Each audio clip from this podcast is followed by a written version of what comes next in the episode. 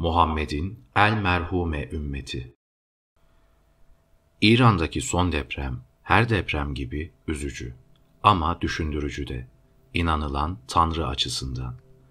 Onunla birlikte şeriat mollaları, acı olayları Tanrı hikmetine, imtihanına bağlamakta güçlük çekmeyeceklerdir.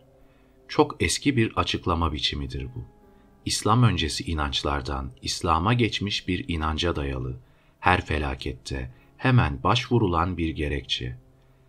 Tanrı daha iyisini bilir, öyle uygun görmüştür. Bu takdiri kimse değiştiremez. Bunlar günahlarımız yüzündendir. Ayrıca Tanrı insanları dener. Ne ölçüde sabırlı olduklarına bakarak karşılık verir. Sevap ya da azap. İran mollaları da bu türden şeyler söylemişlerdir. Üstelik ellerinde bunu söylemelerine yarayacak nitelikte ayetler ve hadisler de vardır. Kur'an'daki felaket, akıbet ve imtihanla ilgili ayetler. Muhammed de şöyle der. Benim ümmetim el merhume bir ümmettir. Ona ahirette azap yoktur. Onun azabı yalnızca dünyadadır. Fitneler, kargaşalar, depremler, öldürme ve öldürülmeler. Merhum sözcüğü Türk toplumuna yabancı değil. Ölen bir insandan merhum diye söz edilir. Cenazelerde de merhumu nasıl bilirdiniz diye sorulur. Adab-ı İslamiye'ye uygun olarak gerçek ve yalan olmasına bakılmaksızın Müslümanlara tanıklık ettirilir. Merhume de merhumun dişili yani dişi için, kadın için söylenen versiyonu. Ümmet de dişil sayıldığı için el merhume denmiştir. Ne var ki buradaki el merhume Tanrı rahmetine ermiş demektir. Rahmetin Türkçedeki karşılığı acımadır. Bu durumda Muhammed ümmetinin el merhume olması, Tanrı'nın acıdığı bir ümmet olması anlamına gelir. Muhammed'in yukarıdaki açıklamasına göre ümmetine Tanrı acımıştır. Peki acımıştır da ne yapmıştır? Yine aynı açıklamaya göre Tanrı acıdığı için bu ümmeti ahiret azabından korumuştur. Bununla birlikte Muhammed ümmetinden de cehenneme girecekler olacağını anlatan hadisler var. Ve yukarıdaki hadisle bu hadisler arasında bir çelişki olduğu muhakkak. Bunun üzerinde de durulabilir. Ama burada konu bu değil. Muhammed'in yukarıdaki açıklamasına göre Tanrı ümmetine acıdığı için cehennem azabından korurken dünyadaki azaptan korumamıştır. Dünyadaki azapta fitneler, depremler, belalar, öldürülmeler vesaire. Hadiste bunlar azap diye nitelendiğine göre hepsi günah karşılığıdır. Bu şu demek. Tanrı Muhammed ümmetinden günah işlemiş olanlara gazap edince yani öfkelenince fitneler salıyor, belalar gönderiyor, öldürme ve öldürülme olayları oluşturuyor ve bu arada depremler meydana getiriyor. Ama yine de şunun bilinmesi isteniyor ki bütün bunlar onun merhameti nedeniyle. Acımasaydı işi ahirete bırakırdı. Cezası ahirete bırakılan günahlardan dolayı insanların daha büyük azap ve işkence çekecekleri bildirilmiş oluyor. Buna göre yorum yapılacak olursa son İran depreminden de şu sonuç çıkarılabilir. Tanrı İranlılara acımıştır. Acıdığı için günahlarının azabını öbür dünyaya bırakmamıştır. Hikmeti ve takdiriyle günahlarının karşılığını bu dünyada vermiştir. Şimdilik bir deprem olarak. Daha önce de İran-Irak savaşlarında fitneler, belalar, katletme ve katledilmeler biçimindeydi. Yine de akla bir soru geliyor. Kimileri için imtihan, kimileri için de bir azap sayılan bu depremde ölenlerin tümü günahkar mıydı? Hiç günahsız yok muydu? Can veren ya da öksüz kalan çocuklar da günahkar sayılabilir mi? İyice bakılırsa Kur'an'da bu tür durumlar için karşılık var. Enfal suresinin 25. ayetinin Diyanet çevirisindeki anlamı şöyle. Aranızda yalnızca zalimlere erişmekle kalmayacak fitneden sakının. Allah'ın azabının şiddetli olduğunu bilin. Bu ayete ilişkin yorumlar ve hadisler ne demek istendiğini açıklar. Kur'an'ın tanrısı kimi zaman zalim olanların yanında, öyle olmayanları da azap içine salar. İmana ve şeriata bağlı kafaların depremler, felaketler konusundaki değerlendirmeleri hep bu doğrultudadır ve böyle gidecektir. Tanrıca acıma. Belki de İranlılar tanrıca bir acımayı değil de insanca bir acımayı ye tutarlar kendileri için. Felaket İslam'da 3 Temmuz 1990'daki gazetelerde şeytan taşlama yüzünden girilen ölüm tünelinde yüzlerce hacı adayının öldüğü yazıyordu. İslam'ın temel inancı anımsatıldı. Bu bir ilahi takdirdir. Ahlar, acılar, ilahi takdir anımsatmalarıyla bastırıldı. Tanzimat mı?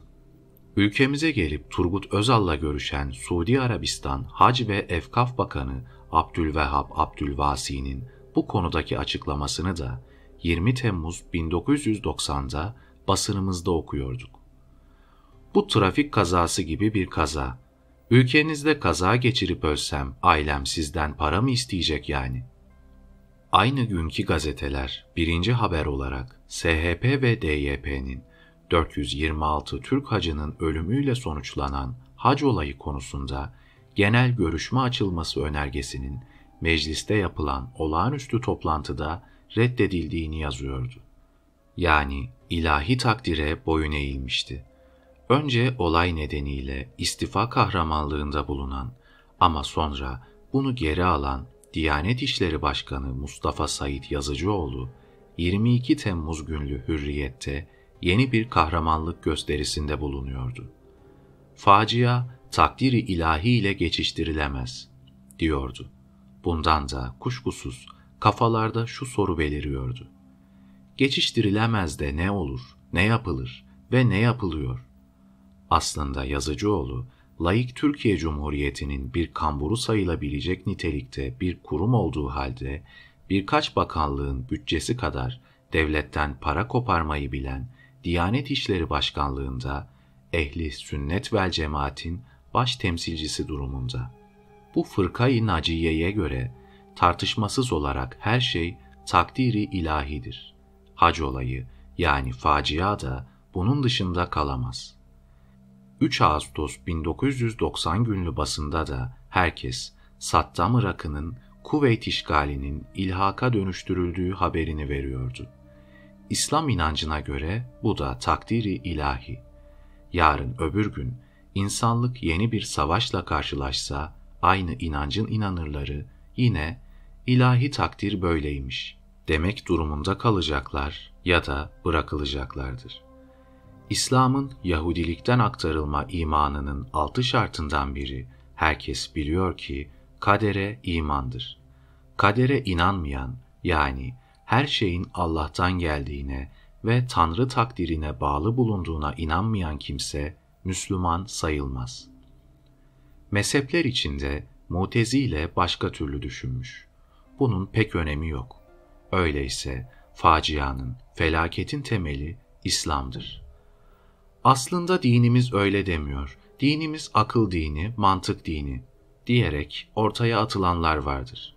Bunlar her zaman olacaklardır karanlık ortadan kaldırılıncaya, yani dinin, İslam'ın aslında ne olduğu ve ne olmadığı kitlelerce iyice anlaşılıncaya dek sürecektir bu yorumlar. Ama İslam'ı bu tür sevimli gösterme çabalarının bir şeye yaramadığı ortada. Evet, imanın altı şartı Yahudilikten geçme.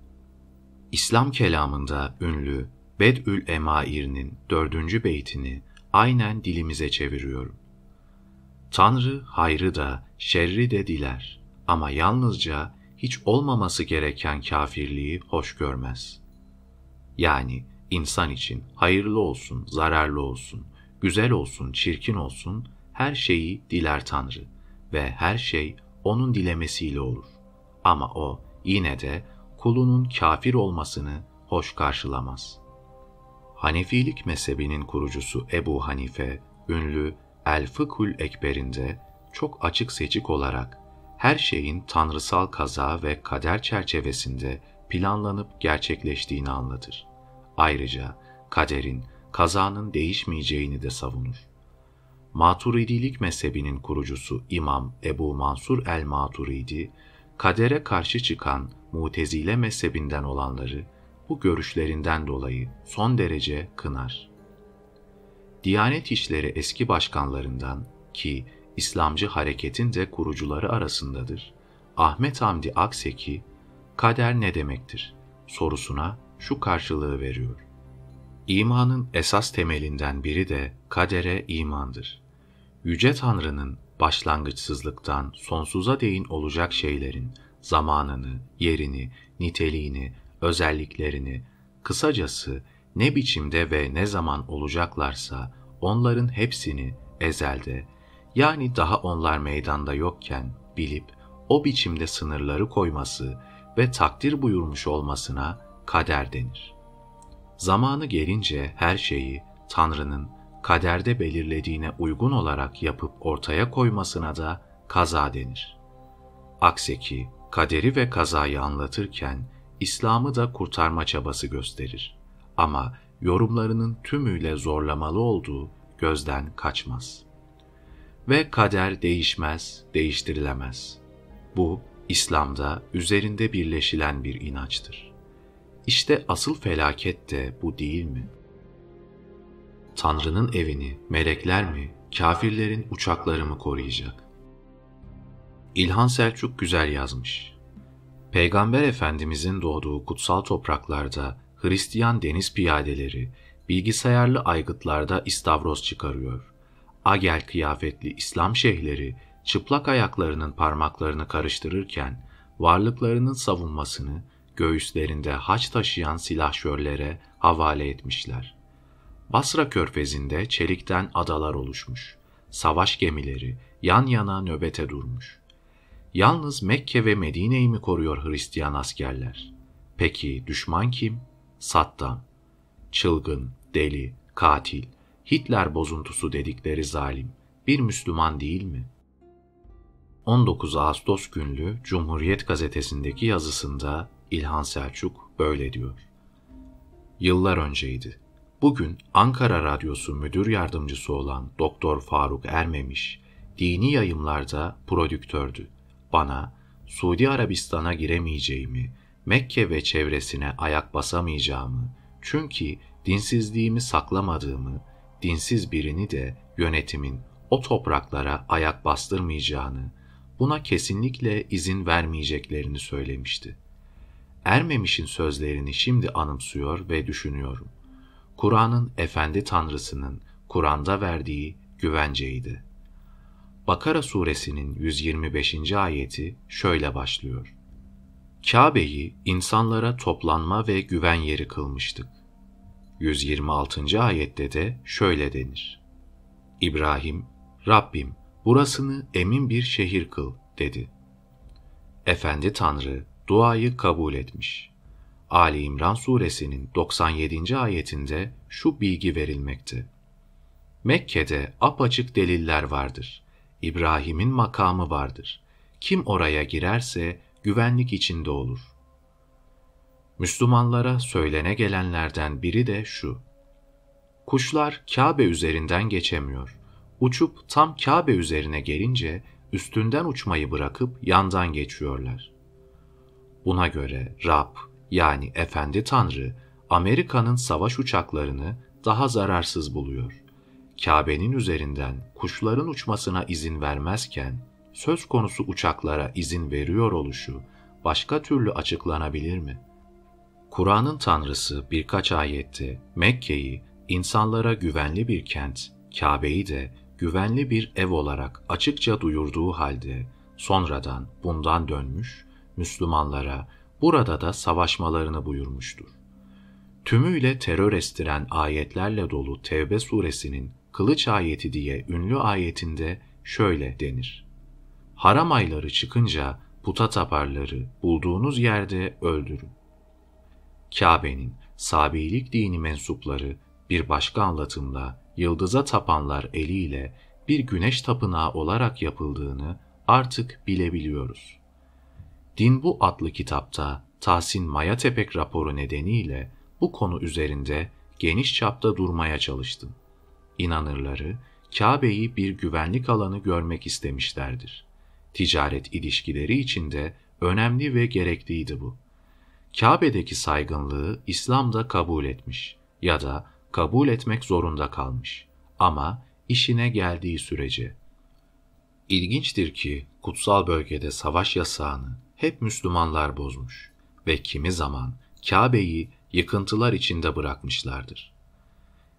Deccal Mekke'ye ve Medine'ye giremez.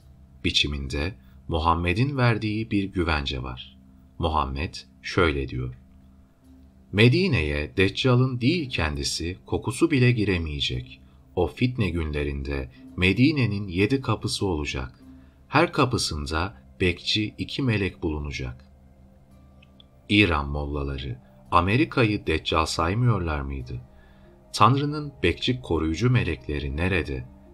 Muhammed bir hadisinde de şöyle der. Medine'nin kapılarında ve giriş çıkış yerlerinde melekler vardır. Medine'ye veba salgını ve deccal giremez. Ve yine Muhammed şu açıklamayı yapıyor. Hiçbir belde yok ki deccal orayı çiğneyecek olmasın. Mekke ve Medine bunun dışında. Medine'nin her kapısında, her giriş ve çıkış yerinde sıra sıra olmuş melekler vardır. Bu melekler orayı korumakta.'' Muhammed'in bu tür açıklamaları ve inanırlarına güvence vermeleri sürüp gider. Ve şimdi Müslümanlarca birer deccal sayılan kafirlerin askerlerini söze edilen kutsal beldelerde görüyoruz. Deccal uçaklarını da semalarında. Hadislerde bildirilen şu koruyucu melekler nerede diye sormak doğru değil mi? Deve boyu din İslam başlangıçta aşireti hedef almıştır. Aşiret içinde de en yakın olanları. Şuara suresi 214. ayette sen en yakın hısımlarını inzar et denilmekte. Sonra da Ümmül Kura yani Mekke ve çevresini hedeflemiştir. Enam suresi 92 ve Şura suresi 7. ayetlerde bu kitap Mekke ve çevresini inzar etmen için gönderildi denilmekte. Boyu da ancak o kadardır ve gerek Kur'an ayetlerinde gerek hadislerde bu boy Arapları aşmamıştır. Atatürk'ün Medeni Bilgiler kitabında Arap dini demesi de bundan. Kendilerini Müslüman sayan toplumlar varsa da İslam temel kaynaklarıyla Araplardan başkasını muhatap saymaz. Muhammed'in kimi toplumlara özel bir düşmanlığı da vardır. Türkler de bunlar içindi. Yani İslam gösterildiğinin tersine hiçbir zaman insanlık boyuna ulaşamamıştır. Ayrıca da tüm kapsamıyla deve boyu kadardır. Deve, çöl insanı için son derece önemlidir. Bir zamanlar totem olarak da yani insanlarla dinsel, büyüsel bir yakınlık bulunduğuna inanılan bir hayvan diye saygı görmüştür en ilkel dinlerden totemizmde bu tür hayvanlar çoktur. Devenin bu nitelikte saygı görmüş bir hayvan olduğunun köklü izleri İslam'da da bulunur. Deve, Yahudilikte bir tabu konusuydu. Tıpkı domuz gibi eti yenmeyen hayvanlardandı. Deveyi, İsrail'in kendisine haram saydığına, Ali İmran suresinin 93. ayetinde de değinme olduğu Kur'an yorumcularınca ileri sürülmekte. İslam'da devenin dokunulmazlığı kaldırılmışsa da ona olan saygı sürmüştür. Deve birçok konuda Arap'ın ölçüsüdür. Doğal olarak İslam'ında. Akıl Arapçada ikal sözcüğünden gelir. Bu sözcükse deveyi bağlamaya yarayan ip demektir. Deve için akıllı dendiğinde bağlı deve, köstekli deve demek olur. Bu kaynaktan türeme olan İslam'daki akıl da ipin, kösteğin deveyi bağlaması gibi insanı bağlayan, köstekleyen bir akıldır. Bir sesten, bir iniltiden mi söz ediliyor? Eğer benzetme söz konusuysa en başta deve sesine benzetilir. İleri sürüldüğüne göre deve ağlar gibi inler gibi ses çıkarmaktaymış. Bir gün Muhammed'in yanında gerçekten de ağlayıp inlemiş ve gözyaşları dökerek yakınmış. Muhammed Medineli birinin evinin çevresine gitmiş. Birden karşıya bir deve çıkmış. Ağlamaya, inlemeye başlamış. Gözyaşları döküyormuş. Muhammed devenin kulaklarının arkasına dokunmuş. Deve susmuş. Sonra da kim bu devenin sahibi diye sormuş. Medineli bir genç benim demiş. Sonra Muhammed şöyle konuşmuş. Allah'ın sana verdiği bir hayvan konusunda Allah'tan korkmuyor musun? Bana yakındı, senin onu aç bıraktığını ve çok sürüp yorduğunu söyledi. Zerdüşt köpeklere çok değer verirdi ve köpeğe kötü davrananları cezalandırırdı. Muhammed için de deve çok değerli. Muhammed'e göre gökler, meleklerin ağırlığından deve gibi inlemekte. Deve taşıdığı yükün ağırlığından ses çıkarıp inlerse, gökler de inler Muhammed'e göre. Muhammed, göklerin de taşıdığı meleklerin ağırlığından dolayı deve gibi ses çıkarıp inlediğini açıklıyor. Muhammed şöyle diyor. Ben sizin görmediğinizi görüyor, işitmediğinizi duyuyorum. Gök deve gibi inledi. Böyle inleyip ses çıkarmakta da haklı. Çünkü gökte her dört parmak yerde bile alnını koyup secde etmekte olan bir melek bulunmakta. Meleklerin maddi ağırlıkları mı var ki böyle demiş Muhammed. Bu tür soruların develi akılda ve develi imanda yeri olamaz. Muhammed önceleri bir kütüğün üzerine çıkıp hutbe okuyormuş. Sonra hutbe için minber yapılınca Muhammed'in kendisinden ayrılacağını anlayan kütük başlamış develer gibi inlemeye hem de gebe develer gibi. Kur'an'ın tanrısı da hacca gelmek için araç olarak sadece deveyi tanıyor. Ve insanları hacca çağır, yürüyerek ya da her tür arık deveyle uzak yollardan sana gelirler. Hac suresi ayet 27 Niçin arık yani zayıf deve?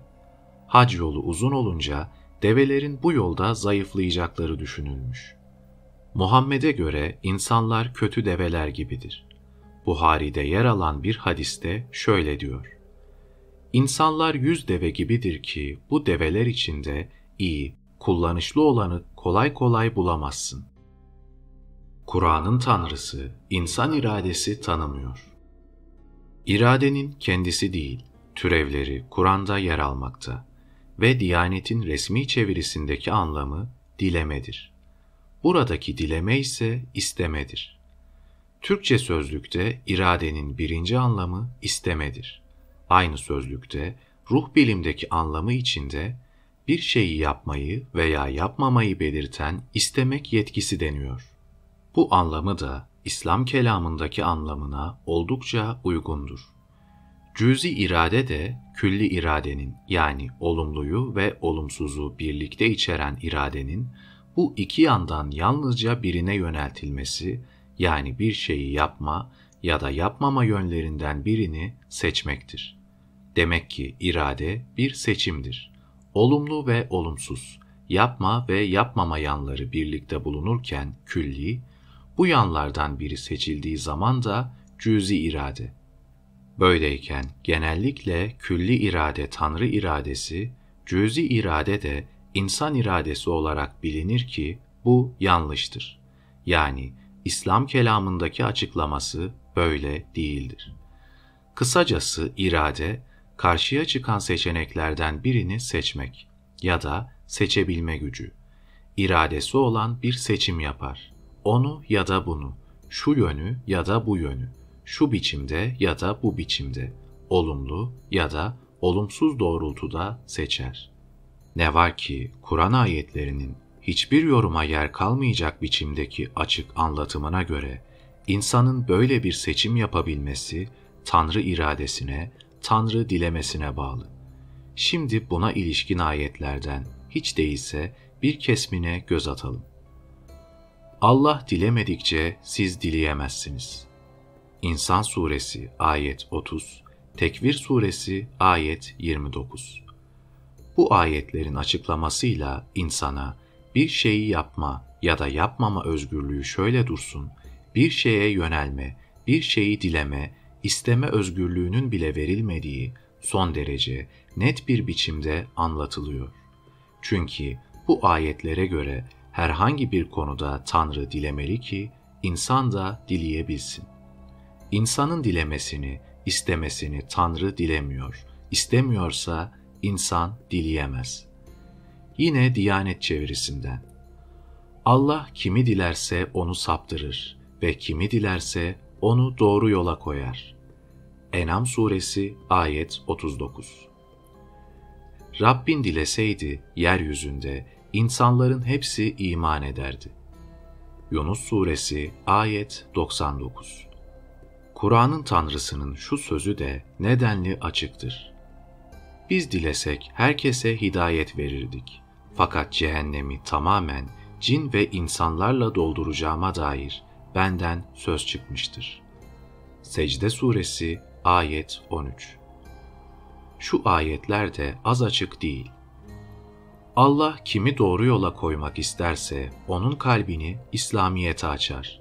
Kimi de saptırmak isterse göğe yükseliyormuş gibi kalbini dar ve sıkıntılı kılar. Allah inanmayanları küfür karanlığında bırakır. Enam suresi ayet 125 Üstün delil Allah'ın delilidir. O dileseydi hepinizi doğru yola koyardı. Enam suresi ayet 149 İnsan iradesine özgürlük tanımayan bu ayetler yorumlanırken nasıl zorluk çekildiğini ve bu zorlamalı yorumların nasıl bir komedi durumu aldığını görmek için kelam kitaplarına şöyle bir göz atmak yeterli. Birkaç ayet daha. De ki Allah size bir kötülük dilese veya bir rahmet istese sizi ona karşı kim savunabilir?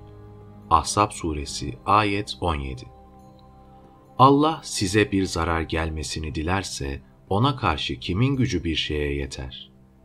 Fetih suresi ayet 11 Bu doğrultuda Kur'an'da pek çok ayet ve ayet hükmü bulunmakta. İslam kelamcısı Tanrı dilediğini yapar ilkesini benimsemiştir. Tanrı dilerse insan iradesini iyiye, dilerse kötüye yöneltir. Anlatılan bu. Bu benimsenince de insan iradesi havada kalır. Cebriye mezhebi ayet ve hadisleri göz önünde tutarak insanın iradesizliğini kabul etmek zorunda kalmıştır. Bu mezhebe göre insan cansız varlıklar gibidir. Kesmeye yarayan bir bıçağın, yelden sallanan bir ağacın ya da savrulan bir nesnenin, açılıp kapanan bir kapının nasıl özgürlüğü yoksa, insanın da bir şey yapma ya da yapmama özgürlüğü yoktur. Ne yapıyor ya da ne yapmıyorsa zorunlu olarak yapıyor ya da yapmıyor. Eşari mezhebinin görüşü de buna yakındır. Bunun için orta dereceli bir zorunluluk görüşü savundukları kabul edilir. Maturidi mezhebi ise zorlamalı yorumlarla insan iradesini kurtarma çabası göstermekte. Mutezile mezhebi biraz daha çok gösteriyor bu çabayı. Ne var ki Kur'an'ın Tanrısının ayetlerdeki açıklamaları karşısında insan iradesini kurtarmaya yönelik hiçbir çaba bir şeye yaramaz. Sünnet Geçenlerde bir gazete birinci haber olarak yapılan sünnetlerin çoğunda çocukların zarar gördüğünü uzmanların ağzından duyuruyordu. Sünnet, İslam'a birçok şey gibi Yahudilikten geçme. Yahudiliğe de eski Mısır'dan. Tevrat'ın tekvim bölümünde şunları okuyoruz. Ve Rab İbrahim'e şöyle dedi. Sen ve senden sonra soyundan gelenler ahdimi tutacaksınız.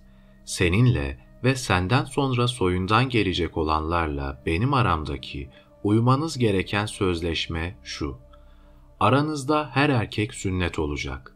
Gulfe etinizde yani erkeklik organının ucundaki deriyi keserek sünnet olacaksınız. Yine burada açıklandığına göre Rabbin buyruğu odur ki çocuk 8 günlükken sünnet edilmeli. Tevrat'ın bu açıklamasına göre Tanrı ile İbrahim ve zürriyeti arasında bir sözleşme yapılmıştır. Sünnet de bu sözleşmenin vazgeçilmez bir gereğidir. İncil'de ise sünnet gerekli görülmez ve İbrahim'in sünnetsizken imanının geçerli olduğu anımsatılır. Sünnetin hadislerde ve İslam fıkhındaki karşılığı hata, hıtane ve hıtanettir. Hıtan, kadın ve erkek cinsel organlarında sünnet edilen yer anlamında da kullanılır. Muhammed'in şu sözü fıkıh kitaplarında yer almakta. İki hıtan kavuştuğunda boy abdesti gerekli olur.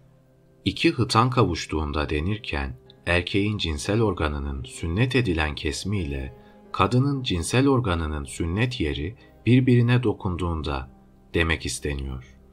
Muhammed'in bu konudaki açıklaması şu biçimde de aktarılmakta. Erkek kadının dört kesmi, yani iki kolu ve iki bacağı arasına oturup da şey ettiği ve sünnet yeri sünnet yerine değdiği zaman boy abdesti gerekli olur. Bu hadise göre iki sünnet yeri kavuştuğunda erkeğin menisi gelsin ya da gelmesin boy abdesti gerekli olur. Hanefi kesimi de bunu dayanak almıştır. Oysa Muhammed cinsel birleşim sırasında meni gelmediğinde yalnızca namaz abdesti almak gerektiğini de söyler. Yukarıdaki hadislerden açıkça anlaşıldığına göre erkeğin cinsel organının sünnet yeri olduğu gibi kadının cinsel organının da sünnet yeri vardır İslam'da. Muhammed'e göre kadının sünnet olması da onurlu bir şeydir. Muhammed'in şöyle dediği hadislerde yer almakta. Sünnet erkekler için sünnettir, kadınlar içinse onurdur. Bununla birlikte Muhammed, cinsel isteği azalttığı gerekçesiyle kadın sünnet edilirken ileri gidilmesinden yana olmadığını söylemiştir. Muhammed ilk sünnet olan insanın İbrahim olduğunu söyler. Yine Muhammed'in açıklamasına göre İbrahim 80 yaşındayken keserle sünnet olmuştur. Sünnet geleneğinin kaynağı eski Mısır'dır. Herodot şöyle der. Yalnız Mısırlılar ve bu adeti Mısırlılardan almış olanlar sünnet olur. Sigmund Freud, sünneti Musa'nın Mısırlılardan aldığı görüşündedir. Musa'nın kendisinin de bir Mısırlı olduğunu düşünür. Sünnet esasında Tanrı'ya, Tanrıçaya armağan sunmak için yapılırdı. Örneğin Kibele'nin rahipleri erkeklik organlarını kökten kesip ana tanrıçaya armağan ediyorlardı. Bir bereket verici diye inanılan Tanrı Dumuzi içinde kadınlar sünnet oluyor ve organlarından sunuyorlardı. Profesör Doktor Philip Hitti, Sami toplumlarındaki sünnet geleneğinin asıl kökeninin bu olduğu görüşündedir. Ne var ki Sami toplumlarındaki Tanrı hem efendi hem de erkek olarak düşünülmüş olduğuna göre erkeklerden kesilen cinsel organ parçasının ona armağan edilmesinin uygunluğu tartışılabilir. Profesör Doktor Sedat Veys örnek, sünnet geleneğinin Sami toplumlarında ve ilkellerde bulunduğunu yazar. Köpek ve insan hakları Çağ, milattan yüzyıllarca önce. Konu, köpek hakları ve güvencesi. Konu önemle ele alınıyor. Çerçevesi çiziliyor. Gerekleri belirleniyor. Tanrı Hürmüz adına kutsal kitap Avesta'da açıklanıyor. Emekçi köpeklerin haklarının gereğine uymayanlara verilecek cezalar duyuruluyor. İnsan emekçilerinin haklarının gereklerine uymayanlar için bugün düşünülemeyecek ağırlıkta cezalar. Çağ, milattan hemen hemen 2000 yıl sonra. Konu, insan emekçileri ve hakları. Bu haklar tartışılıyor. Kimi yerde, kimi ölçüde tanınıyor. Kimi yerde ise bırakılıp geçiliyor. İnsan hakları kabul edilip dünyanın her bir yanına duyurulmuş olsa bile. İlginç olur diye küçük karşılaştırma yapmak istedim. Amacım ne köpekleri insanlaştırmak ne de insanları köpekleştirmek. Avesta'nın ilgili bölümlerinden kimi parçaları olduğu gibi dilimize çevirerek, kimi kesimleri ise özetleyerek sunmaya çalışacağım. Yer yer başka yapıtlardan alıntılarla birlikte. Emekçi köpeklerin hakları kutsal kitapta gerekçesiyle birlikte hükme bağlanıyor. Gerekçe açıklanırken şöyle deniyor. Ey Zerdüşt! Ben Tanrı Hürmüz. Köpeği yarattım. Giyimi kuşamıyla, ayağında ayakkabısıyla ve keskin dişlerinden oluşan silahıyla birlikte. Her an tetikte ve uyanık biçimde yarattım. İnsan onu doyurmalı ki o da insanın malını, mülkünü sağlamca beklesin. Ben Hürmüz, köpeği hırsıza karşı koruyacak özellikte yarattım. Kafası yerinde olduğu zaman köpek bu özelliği gösterir. İnsanların mallarını koruyabilir. En küçük sesle kim uyanabilir ey Zerdüşt? Ne hırsız ne de kurt köpeği uyandırmamayı başarabilir ve evden bir şey götürebilir. Köpek kurdu öldürür, ezer, kovar, kar eritir gibi eritir. Avesta, Vendidat, Bölüm 13 Demek ki köpeğin önemli bir işi ve görevi var. Bekçilik. Kolay değil bu iş. Sağlıklı bir bekçilik için kafanın yerinde olması gerekir. Bunun içinse emekçi köpeğe iyi bakılmalı. Hakkı yenmemeli. İşinin ağırlığına ve önemine uygun olarak safsaklanamaz hakları vardır onun. Emekçi köpeğin Ahura Mazda, bir başka adıyla Hürmüz katında nedenli önemli olduğu ayrıntılarıyla anlatılmakta. Zerdüşt sorar, açıklama ister, Hürmüz karşılık verir. Anlatır Avesta'da, önemiyle birlikte hakları da dile getirilir. Ayrıca bu haklara titizlik göstermenin insanların yararına olduğu da söylenir. Köpeğine bakmayan mal sahibi, üretici zararlı çıkmakta. Bu zararın kamuyu ilgilendiren yanı da var. Köpeğine iyi bakmayan, haklarına özen göstermeyen köpek sahibinin çok ağır cezalarla cezalandırılması bundan. Köpeğini iyi besleyip koruyacaksın ki köpeğin de senin malını, mülkünü korusun. Her köpeğin beslenme hakkı vardır. İyi beslenme hakkı. Emekçi köpek işinin ağırlığı nedeniyle çok ve çabuk yıpranır, çabuk kocar. Zerdüşt'ün sorusu üzerine Hürmüz şu bilgiyi vermekte. Ey Zerdüşt! Bu dünyada kocamıştık. Köpeğin başına çok erken gelir. İnsanların yanı başında çöküp bekçilik yaparken aç bırakılırsa köpek, iyi ruhun yarattığı öteki yaratıklardan çok daha hızlı biçimde kocar. Onun için köpek beslenirken etle birlikte süt ve yağlı besin verilir. Köpeğin hakkı olan besindir bu. Kuşkusuz çağımızda ve uygar dünyada insanların, emekçilerin de böyle iyi beslenme hakları var.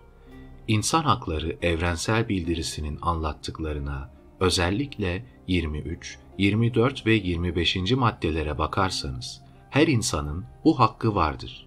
Ne var ki şu başlıklı haberleri de okumaktayız. Tayland'da bedava pirinç kapışması, 21 ölü. Tayland'da bir hayır kurumu bedava pirinç dağıtırken meydana gelen izdihamda 21 kişi öldü. Bazıları ağır olmak üzere 40 kişi yaralandı. Hayır kurumu 5 kiloluk pirinç ve 190 lira tutarında para dağıttı. 31 Temmuz 1984 günlü Cumhuriyet Gazetesi haberi. Dünyanın birçok yerinde uygar insanlığın gözü önünde kitle kitle insan açlıktan ölmekte. Emekçi köpeğe kötü besin vermenin cezası Avesta'da düşünülmeyecek ölçüde ağır. Başıboş ite kötü besin vermenin cezası bile çok ağır. Kötü besin vermenin köpeğe göre oluşturduğu suç önce belirlenip derecelendiriliyor. Sonra da suçun derecesine göre verilecek ceza açıklanıyor. Vendidad'ın 13. bölümünden dilimize olduğu gibi çeviriyorum. Zerdüşt, Tanrı Hürmüz'e şöyle diyor. Ey gövdeler dünyasını yaratan, ey kutsal varlık, bir adam bir çoban köpeğine kötü besin verse ne tür bir suç işlemiş olur? Hürmüz şöyle cevap veriyor. Bir kabile başkanının önüne kötü besin çıkaran kimsenin işlediği suç türünden bir suç işlemiş olur. Ey gövdeler dünyasını yaratan, ey kutsal varlık, bir adam bir ev köpeğine kötü bir besin verse ne tür bir suç işlemiş olur? Orta dereceli bir aile, bir kabile başkanının önüne kötü besin çıkaran kimsenin işlediği suç türünden bir suç işlemiş olur. Ey gövdeler dünyasını yaratan, ey kutsal varlık, bir adam başıboş bir köpeğe kötü bir besin verse ne tür bir suç işlemiş olur? Kapısına belirli bir din adamı kılığında gelen bir din adamına kötü besin veren kimsenin işlediği suç türünden bir suç işlemiş olur. Ey gövdeler dünyasını yaratan, ey kutsal varlık, bir adam bir köpek eniğine kötü bir besin verse ne tür bir suç işlemiş olur? Erdemli anne babadan olma, ergin bir delikanlıya kötü besin veren kimsenin işlediği suç türünden bir suç işlemiş olur. Ve cezalar. Ey gövdeler dünyasını yaratan, ey kutsal varlık, bir adam bir çoban köpeğine kötü bir besin verse, bu adama verilmesi gereken ceza nedir? Böyle bir suç için verilmesi gereken ceza 200 kamçı ve 200 değnek sopa. Ötekiler de sırasıyla açıklanıyor. Ev köpeğine kötü besin vermenin cezası 90 kamçı, 90 değnek.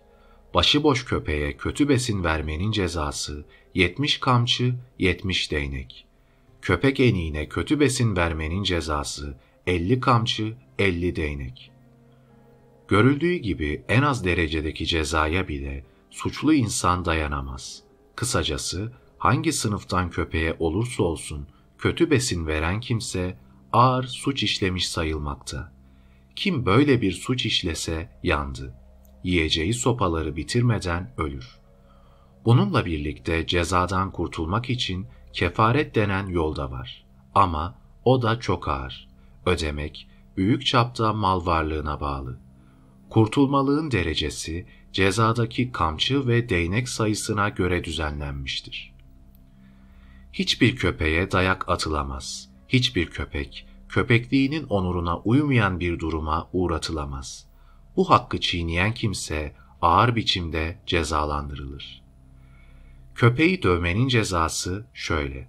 Zerdüşt soruyor. Bir adam bir çoban köpeğine öldürücü biçimde vursa da ruhunu gövdesinden ayırsa bu adama verilmesi gereken ceza nedir? Hürmüz cevap veriyor. 800 kamçı ve 800 değnek. Ey gövdeler dünyasının yaratıcısı, ey kutsal varlık! Bir adam bir ev köpeğine öldürücü biçimde vursa ve bu yüzden köpeğin ruhu gövdesinden ayrılsa ona verilmesi gereken ceza nedir? 700 kamçı ve 700 değnek. Ey gövdeler dünyasını yaratan, ey kutsal varlık! Bir adam başıboş köpeğe öldürücü biçimde vursa da bu vuruş onun ruhunu gövdesinden ayırsa bu adama verilmesi gereken ceza nedir? 600 kamçı ve 600 değnek. Ey gövdeler dünyasını yaratan, ey kutsal varlık! Bir adam bir köpek eniğine öldürücü biçimde vursa da bu vuruş onun ruhunu gövdesinden ayırsa bu adama verilmesi gereken ceza nedir? 500 kamçı ve 500 değnek. Köpeğin dövülmeme hakkı var da kutsal kitaplarda tüm yaratıkların en onurlusu diye tanıtılan insanın böyle bir hakkı yok mu? Var ama insanına göre. Önce erkek mi, dişi mi ona bakmak gerekmekti. Eğer dişi ise yani kadınsa ve kocalıysa Kur'an'a göre dövülebilir. Çünkü kocanın dövme hakkı var. Nisa suresinin 34. ayetinin Diyanet İşleri Başkanlığınca yayımlanan Kur'an-ı Kerim ve Türkçe mealindeki çevirisi şöyle. Allah'ın kimini kimine üstün kılmasından ötürü ve erkeklerin mallarından sarf etmelerinden dolayı erkekler, kadınlar üzerine hakimdirler. İyi kadınlar, gönülden boyun eğenler ve Allah'ın korunmasını emrettiğini, kocasının bulunmadığı zamanda koruyanlardır. Serkeşlik etmelerinden endişelendiğiniz kadınlara öğüt verin. Yataklarında onları yalnız bırakın. Nihayet dövün. Size itaat ediyorlarsa aleyhlerinde yol aramayın. Doğrusu Allah yücedir, büyüktür. Hele köle ise görünüşte insansa da kutsal kitaplara göre alınıp satılan maldır. Tevrat'a göre bir efendi kölesini öldüresiye bile dövebilir. Döverek öldürdüğü köle elinin altında hemen ölmezse cezalandırılmaz. Öldürülesiye dövülen bir kölenin bir gün yaşaması, döverek öldüren efendinin cezadan kurtulması için yeterlidir. Efendinin dövme hakkı vardır. Çünkü köle onun malıdır. İlgili Tevrat ayetinin Türkçesi şöyle. Eğer bir adam kölesine yahut cariyesine değnekle vurur ve onun eli altında ölürse mutlaka cezalandırılacaktır. Ancak bir yahut iki gün yaşarsa cezalandırılmayacaktır. Çünkü kendi malıdır. İyi ki insan hakları evrensel bildirisi gerçekleşti yüzyılımızda. İyi ki bu bildirinin dördüncü maddesiyle kölelik ve köle ticareti, beşinci maddesiyle de işkence ve benzeri insanca olmayan durumlar yasaklandı. İyi ki kabul edip benimsedi uygar ülkeler ve iyi ki ülkemiz, devletimiz de bunlar arasında var. İyi de böyledir diye işkence hiç yok mu? İnsanlar, insanca olmayan durumlara hiç uğratılmıyorlar mı? Keşke evet diyebilseydik. Anlaşılan kabul etmekle uygulamak ayrı şeyler. Zerdüşt'ün kutsal kitabında bir köpek var ki son derece değerli. Öteki köpeklerden birkaç kat daha değerli. Su köpeği denilmekte. Vendidad'ın 14. bölümünde anlatılıyor. Bunun dışında üç sınıf köpek daha var. Çoban köpeği, ev köpeği ve başıboş köpek. Bir dördüncü sınıf olarak enikler sınıfı var. Emekçi köpekte sekiz huyun bir arada bulunabileceği açıklanıyor Avesta'da. Din adamı huyu. Bu şöyle belirtiliyor. Din adamı gibi artıkları yer. Din adamı gibi kolay sevindirilir. Din adamı gibi çok sabırlı olur. Din adamı gibi bir lokma ekmekle de yetinir. 2. Savaşçı huyu 3. Çiftçi huyu 4. Sivrisinek huyu 5. Yol kesici huyu 6. Hırsız huyu 7. Orospu huyu 8. Çocuk huyu Vendidad'ın 13. bölümünde ayrıntılarıyla anlatılır bunlar. Deyim, yazı ve söz ustası Aziz Nesin, yeni yayımlanan kitaplarından birinde bir öyküsünün başında Kitabı Gayrı Mukaddes'ten 1. bölüm 3. bab diyor ve ünlü usta yazar gerçekten böyle bir kitap var gibi şu alıntıyı yapıyor. İnsanların kendilerini hiç bağışlamayacağı şey bir zamanlar başka bir insana köpeklik etmek zorunda ya da durumunda kalmış olmaları. Ellerine ilk fırsat geçtiğinde aslarına karşı kurtlaşarak üstlerine karşı aslan kesilip onları parçalayarak bir zamanlar köpeklik etmiş olmalarının hıncını çıkarmaya çalışırlar. Bir insan ne denli çok aslanlık taslarsa o denli de çok köpeklik etmiş olduğu anlaşılır. Nesin'in mukaddes olmayan kitabında şunlar da var. İnsan her hayvanın işlevini o hayvandan daha yetkin yaptığı gibi köpekliği de köpekten daha iyi yapıyordu. Köpekler ne de olsa insan olmadıklarından insanlar gibi köpeklik yapamıyorlardı. Hem işsizlere iş bulmak hem de köpeklere yaptırılan koruma görevini köpeklerden çok daha iyi yapabilecek olan insanlara yaptırmak daha doğru ve daha insancıl olacaktı. İşte böylece tarihte öyle bir dönem geldi ki kimi insanlar köpeklerin yerini aldı ve o insanlar koruma görevini köpeklerden daha iyi yapmaya başladı.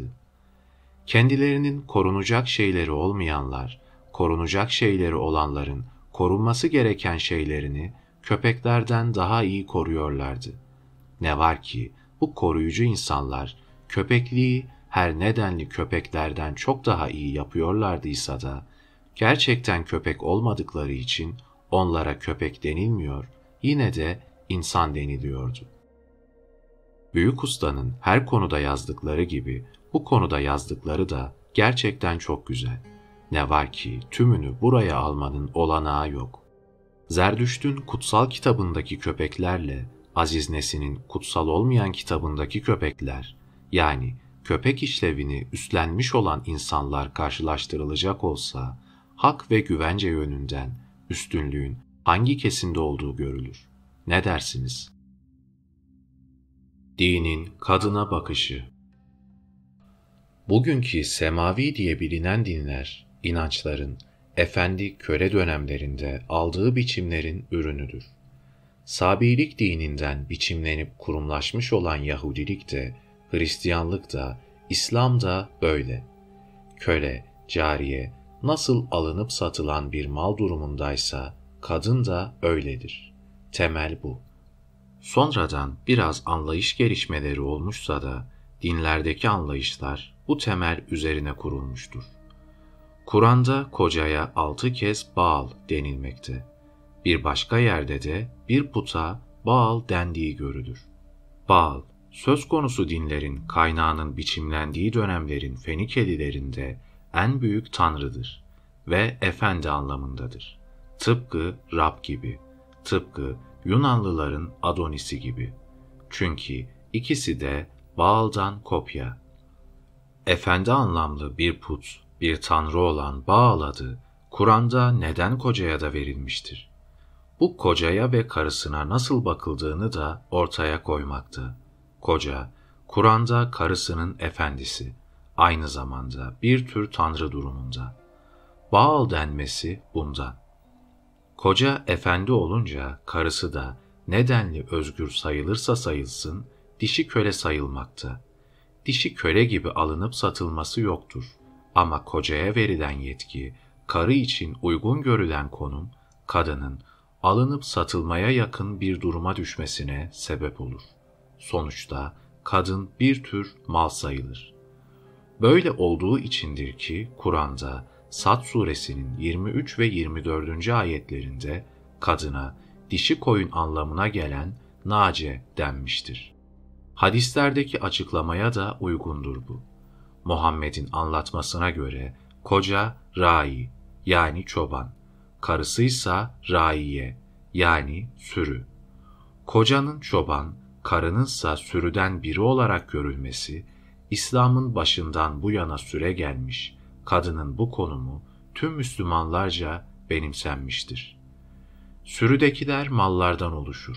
Bu durumda İslam düşüncesi kadını sürüden saymakla da ona mal, erkeğin malı gözüyle baktığını bir kez daha ortaya koyar.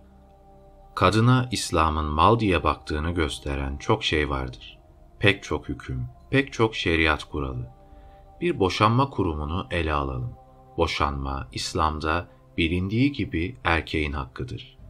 Erkek kadını boşayabilir de kadın erkeği boşayamaz. Neden?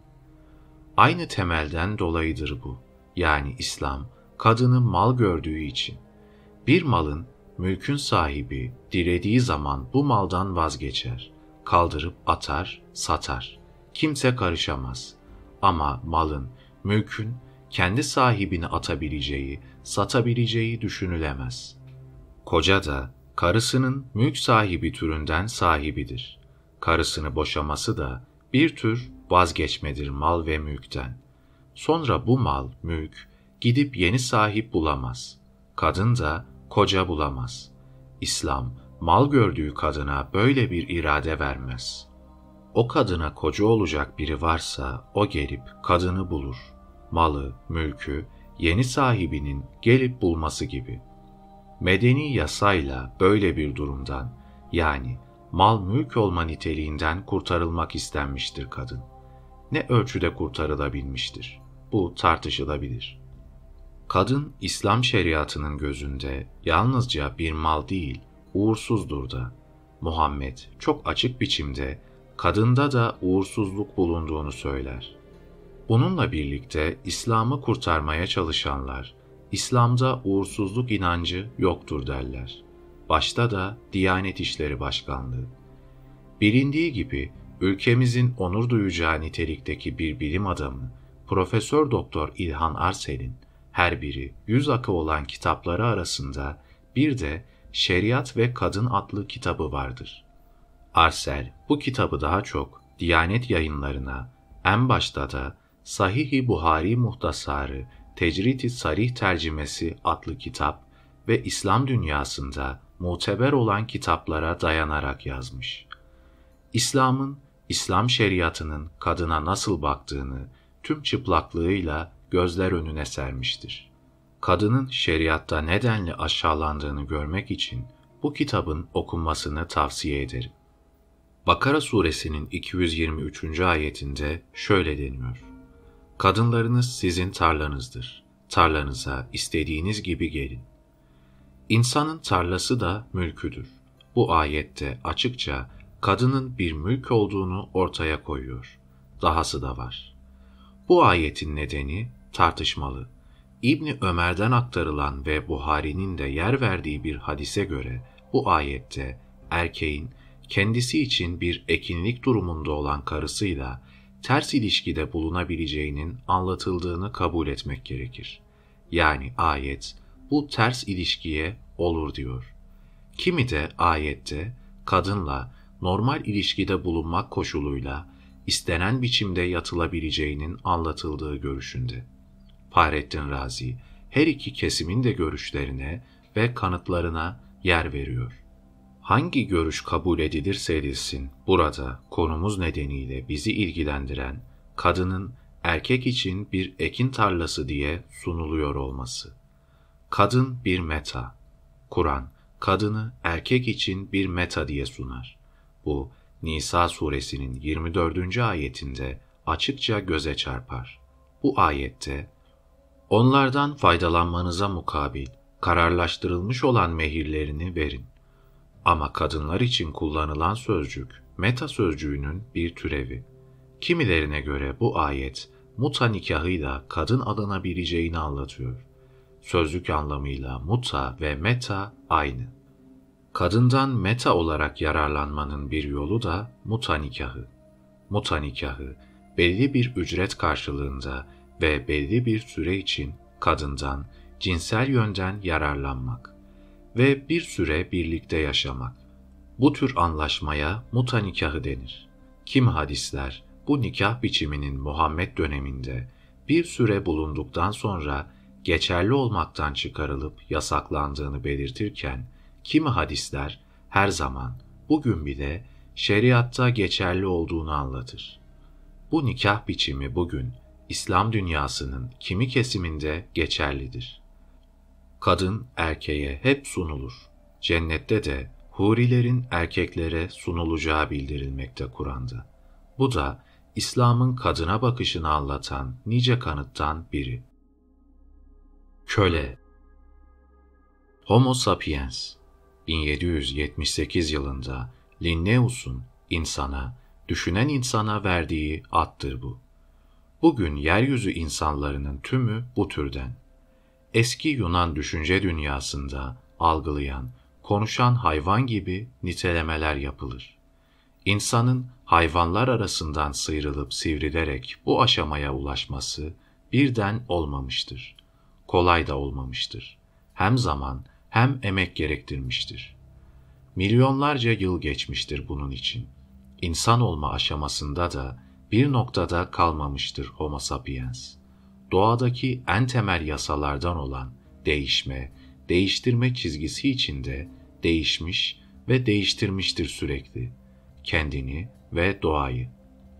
Çağımızın insanı ulaştığı aşama nedeniyle bugün köleyi, kölelik kurumunu kabul etmez. Bu kurumu insanlardan kimini köle görmeyi, böyle nitelemeyi insanlık dışı sayar. Ne var ki herkesin bildiği gibi insanlığın geçmişinde bu kurum vardır. Tarihte köleci toplum yaşamı uzun süre yaşanmıştır. Bu toplum yaşamında insan olduklarına bakılmaksızın kimi insanlar birer mal sayılmış, alınıp satılmışlardır. Bu artık gerilerde, çok gerilerde kalmıştır. Ama dinlerde, inançlarda yok olmamıştır. Özellikle Sami dinlerin, en başta da Yahudilik ve İslam dinlerinin kutsal kitaplarında ve şeriatlarında hep yaşaya gelmiştir. Bu dinlerde kölelik kurumu bugün de var. Bunlar silininceye dek yarın da olacaktır. Neden ki kutsal kitap dogmaları ve şeriatlar değişmez. Değişmezlik, donmuşluk bunların temel özelliğidir. Köleci toplum yapısından kutsal kitaplara birçok kural ve ilke olduğu gibi geçmiştir. Bunların içinde de köle sahibinin malıdır ilkesi yer almakta. Önce Tevrat'ta görelim bu ilkeyi. Tevrat'ta insanlar ikiye ayrılmakta. İsrailoğulları ve onun dışında kalanlar. İsrailoğullarından olanlar, Yahudiler, köle durumuna düşseler bile Tevrat'ta köle sayılmıyorlar. Kısacası Tevrat'a göre Yahudi köle olmaz. Hiçbir zaman. Başka insanlara gelince koşullara göre köle olabilirler. Tevrat'ın bakışı böyle. Ve eğer kardeşin senin yanında yoksul düşerse ve kendisini sana satarsa onu köle gibi çalıştırmayacaksın. Senin yanında ücretli adam ve konuğun gibi olacak. Çünkü onlar Mısır ülkesinden çıkardığım kullarımdır. Köle olarak satılmayacaklardır. Bu kutsal kitapta kimi insanın köleliği ise doğal görülür ve mal olarak alınıp satılabileceği anlatılır. Ve senin malın olacak köleye ve cariyeye gelince, çevrenizde olan toplumlardan köle ve cariye satın alacaksınız. Ve aranızda oturan yabancıların da çocuklarından, onlardan ve ülkenizde doğup da yanınızda bulunan oymaklardan satın alacaksınız. Ve sizin malınız olacaktır. Ve onları kendinizden sonra mülk olarak çocuklarınıza miras bırakacaksınız. Her zaman köleleri onlardan satın alacaksınız. Tevrat'ın ulusal tanrısı bu ayrımı yapmakla kalmaz. Kölenin dövülebileceğini de söyler. Tevrat'taki şu tüyler ürpertici satırları birlikte okuyalım. Eğer bir adam kölesine ve cariyesine değnekle vurur ve o köle, cariye onun elinin altındayken ölürse o adam cezalandırılacak. Ancak dövülen köle ve cariye bir ya da iki gün yaşarsa adam cezalandırılmayacak. Çünkü o köle ve cariye adamın kendi malıdır.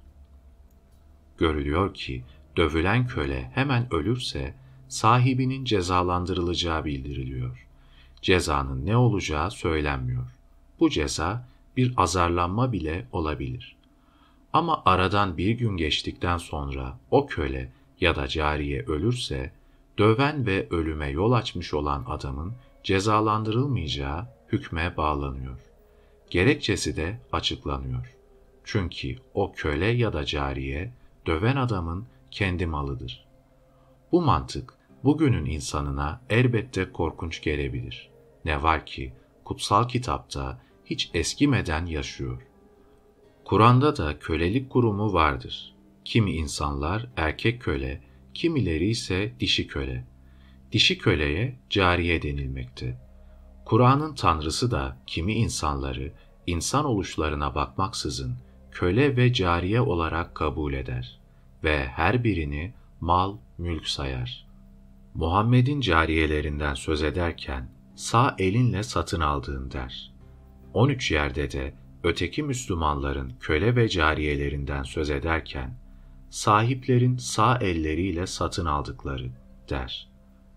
Köle ve cariye Kur'an'da abd, rakabe, eme gibi sözcüklerle de anlatılır. Köle ve cariyeden bolca söz edilir ayetlerde ve hepsi de sahiplerinin yasal malı olarak tanıtılır.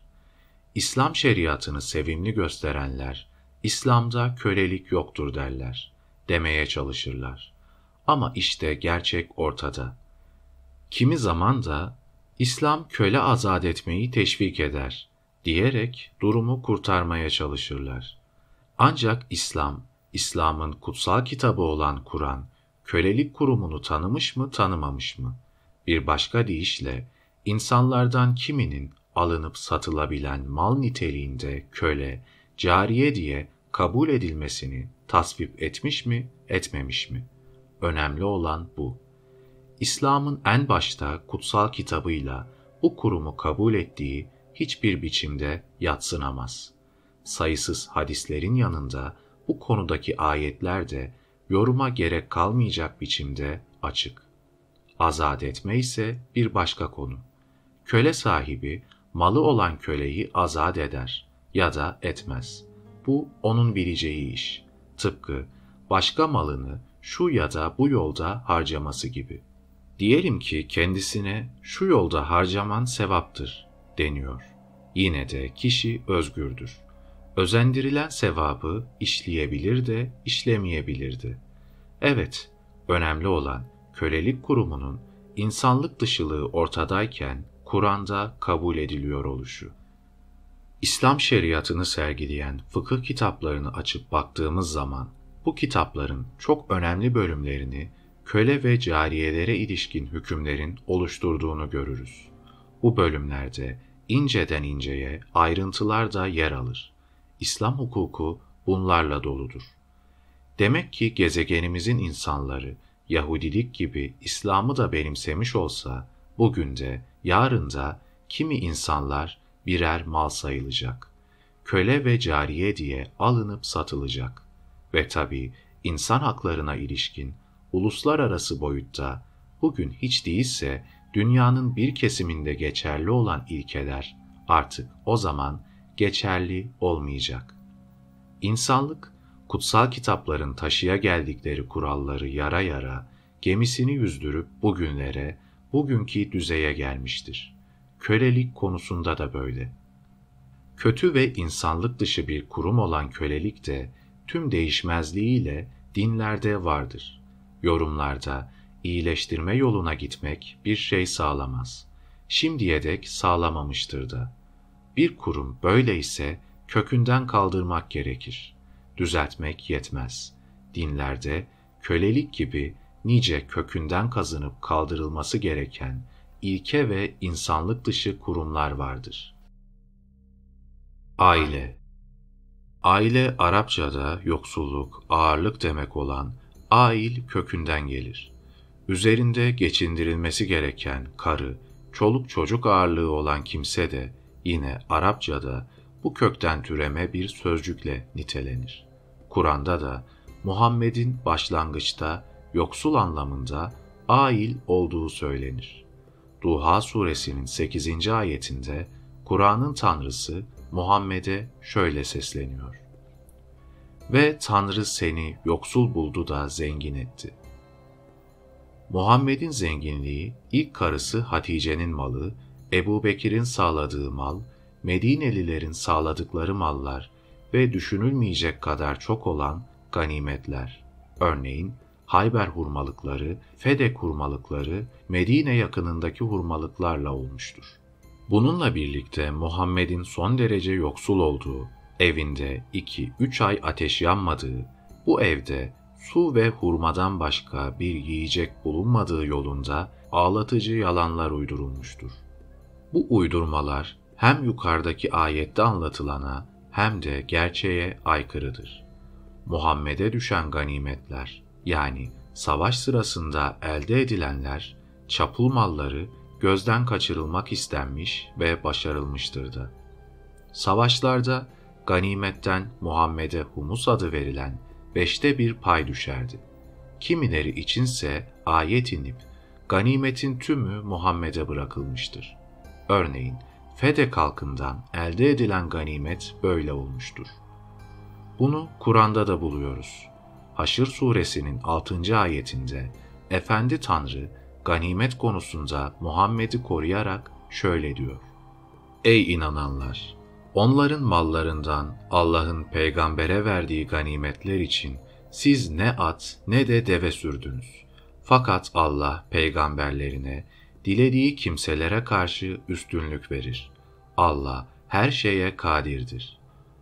Bu ayetle söz konusu ganimetten pay almak isteyen Müslümanların sesi kesilmiştir. Yani söz konusu ganimetler at, deve koşturmadan bir başka deyişle savaşmadan elde edildiği için tümü Muhammed'e kalmıştır. Muhammed ailesinin ileri sürülenin tersine ganimetlerle ve daha birçok yollarla zenginleşmiş olduğu bir gerçek. Muhammed o denli zengindi ki 60'ı aşkın kölesi ve 20 cariyesi vardı. Muhammed'in karılarından Ayşe bir andını bozduğu için kendisine ait olanlardan 40 köle birden azat edebilmiştir. Yoksulluk içinde öldüğü söylenen Muhammed'in son haccında kendi develerinden yüz deve kesmiş ve kestirmiş olduğu söylenir. Bunu bildiren hadisler Buhari'de, Müslim'de ve Ahmet İbni Hanbel'in müsnedinde yer almakta. Yalnızca bir hacda yüz deve kurban edebilen yoksul olur mu?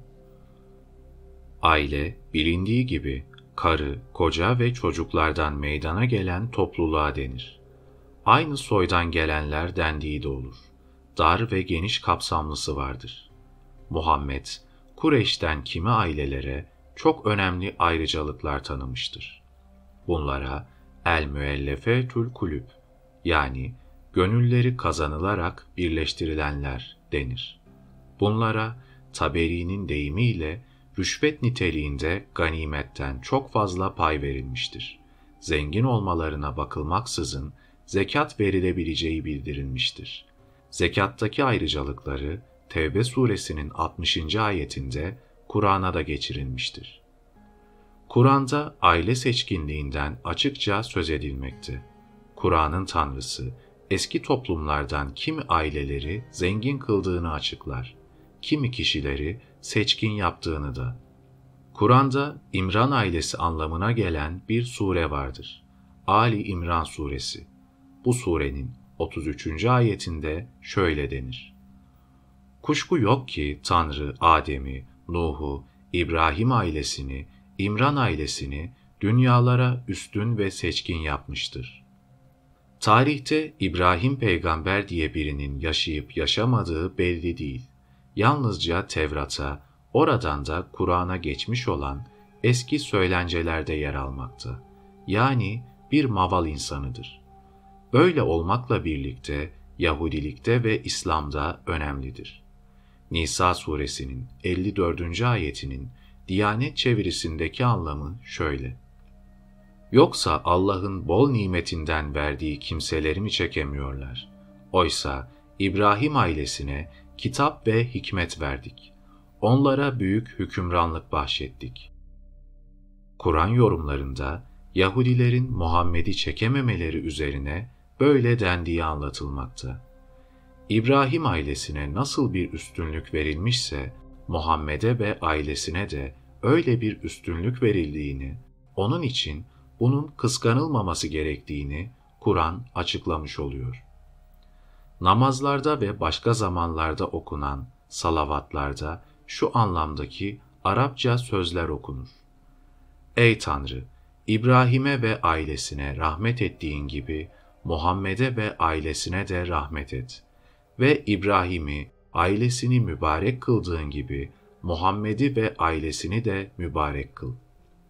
Salavat, salat sözcüğünün çoğuludur. Salat da eğer Tanrı'dan olursa rahmet anlamına gelir. Yani acıma. Muhammed ve ailesine salavat demek, Muhammed ve ailesine Tanrı'dan rahmet dilemektir. İnanırların salat etmeleri de dua etmeleridir. Diyanetin resmi çevirisinde salata övme anlamı verilmiştir. Asap suresinin 56. ayetinde şöyle deniyor. Şüphesiz Allah ve melekleri Peygamber Muhammed'i överler. Ey inananlar! Siz de onu övün ve ona esenlik dileyin. Gerçekte övme biraz zorlamalı bir anlam. Dua etmek anlamı daha uygun. Bu ayette görüldüğü gibi Kur'an'ın tanrısı inanırlarına seslenerek onlardan peygamberine, Muhammed'e dua etmelerini istiyor. Burada şöyle bir soru sormak mümkün. Tanrı niye bunu istiyor? Muhammed'e rahmet mi edecek? İyilik mi yapacak? Dilediğini yapar. Bunun için neden dua istiyor? Kuşkusuz iman gözlüğüyle görülmeyecek bir çelişki var burada. Ama Muhammed'in de bir amacı bulunduğu gözden kaçırılmamalı. Asıl önemli olan bu amaçtır. Muhammed, üzerinde daha yoğun bir ilgi toplansın istemiştir. Salatta hedeflenen bu. Hadislerde salat içine Muhammed'in ailesi de sokulunca her zaman Muhammed'le birlikte ailesi de anılır olmuştur. Ailesi derken Muhammed'in ana babasının da bunun içine girmesi gerekirdi. Ama İslam'da mümin olmayanlar yani inanmayanlar aileden sayılmazlar. İnanmamış olarak öldükleri için Muhammed'in ana ve babası ailesinden sayılmıyor. Kur'an'ın tanrısı bu konuda çok titiz. Hud suresinin 45 ve 46. ayetlerinde şöyle dendiği görülür. Nuh Rabbine seslendi. Rabbim, oğlum benim ailemdendi. Doğrusu senin vaadin haktır. Sen hükmedenlerin en iyi hükmedenisin. Allah, ey Nuh, o senin ailenden sayılmaz. Çünkü o kötü bir iş yapmıştır. Öyleyse bilmediğin şeyi benden isteme. İşte sana öğüt, bilgisizlerden olma, dedi.''